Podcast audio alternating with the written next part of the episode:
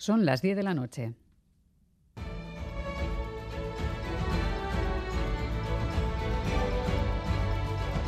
Radio Euskadi y Radio Vitoria.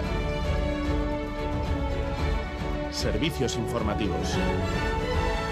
Tiempo para repasar los principales titulares de la jornada con Ander López Lerena, Gabón. Gabón. Empezamos con la que es una de las noticias de la tarde. Han encontrado los primeros restos del submarino Titán. La empresa da por muertos a los cinco tripulantes. A 488 metros del pecio del Titanic han sido localizados por un robot los restos que corresponden al Titán. Cinco piezas principales, entre las que se encuentran una estructura para el aterrizaje del sumergible y parte de la cubierta trasera. La Guardia Costera ha atribuido el accidente del Titán a problemas técnicos relacionados con la presión. John Mauger es el contraalmirante de la Guardia Costera estadounidense.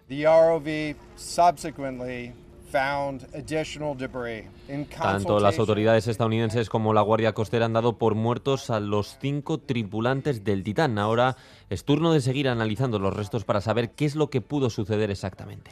Están los que se lanzan a la mar por puro ocio y luego están los que lo hacen por necesidad. Llegan los meses de verano y el tráfico de barcazas hinchables se multiplica en el Mediterráneo. El buque vasco de salvamento Aitamari ha participado en el rescate de casi 300 migrantes en aguas del Mediterráneo que estaban a la deriva en siete botes precarios eh, de Gambia, Senegal o Burkina Faso. A bordo de las eh, embarcaciones había 52 menores que viajaban solos. Un rescate que ha finalizado con los guardavidas costas italianos. A bordo de Aitamari viajaban 172 personas. Todos están bien, navegan rumbo al puerto de Salerno. Isa Giguren es responsable de comunicación de salvamento marítimo humanitario. Malta nunca responde. Se pidió a Italia, Italia dijo que, no iba a ir porque no eran sus aguas. ¿no? no cabían todos en el barco y bueno, eso forzó un poco a que llegaran las autoridades italianas y, finalizaran el rescate, con lo cual Itamari en su barco tiene 172 personas y el resto eh, las llevaron los guardacostas italianos. Tras rescatar a las 172 personas, lo que ha hecho el barco Itamari es quedarse al lado de las otras pateras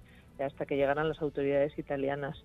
Eso, en el Mediterráneo, en el Atlántico, en Canarias, esta tarde otra patera con 121 ocupantes ha llegado a las costas del Hierro. Son así 233 las personas migrantes llegadas a las costas canarias estas últimas horas a bordo de tres embarcaciones. La salida del Tour de Francia desde Bilbao provocará 50 cortes de tráfico de entre 6 y 72 horas en todos los distritos de la ciudad desde el 28 de junio. El Ayuntamiento de la capital vizcaína distribuirá desde mañana más de 110.000 avisos elaborados ad hoc para cada barrio en los que se advierte de los cortes de tráfico, cambios circulatorios, movimiento de contenedores y otras afecciones. La Ley de Movilidad y Sostenibilidad, Nora BT, ha invitado a desplazarse a pie, principalmente en los días más importantes y especialmente el día grande, el 1 de julio, cuando se celebre la salida y llegada del Tour de Francia. La segunda mejor alternativa para movernos por la ciudad va a ser en transporte público, preferiblemente en metro y en tren, planificar los desplazamientos, olvidarnos en la medida de lo posible del vehículo privado. Va a estar realmente difícil desplazarnos.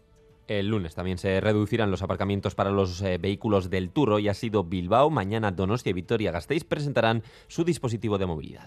Y los que amenazan con parar el tour son los Erchañas. Representantes de los sindicatos se reunirán mañana con el Departamento de Seguridad para acercar posturas tras la presión ejercida por los trabajadores a pocos días de la Grande Part. A las nueve y media de la mañana se reunirán en eh, la macrocomisaría de Erandio. Hoy se ha manifestado frente al Parlamento Vasco de manera conjunta sindicatos y los agentes del movimiento Erchañas en lucha. Quieren equiparar su salario a las policías locales que más cobran de Euskadi porque para eso dicen son una policía integral. No han querido poner cifra al aumento salarial que van a reclamar la propuesta que llevará mañana a la negociación con el Departamento de Seguridad. Juan Carlos Saez, del sindicato SIPE, se ha señalado que no hay ninguna razón para que no haya una subida salarial lineal a todo el colectivo de la Archanza. Porque ha hecho una subida lineal a justicia y porque ha hecho una subida lineal a las, al sistema de limpieza de Osakidecha.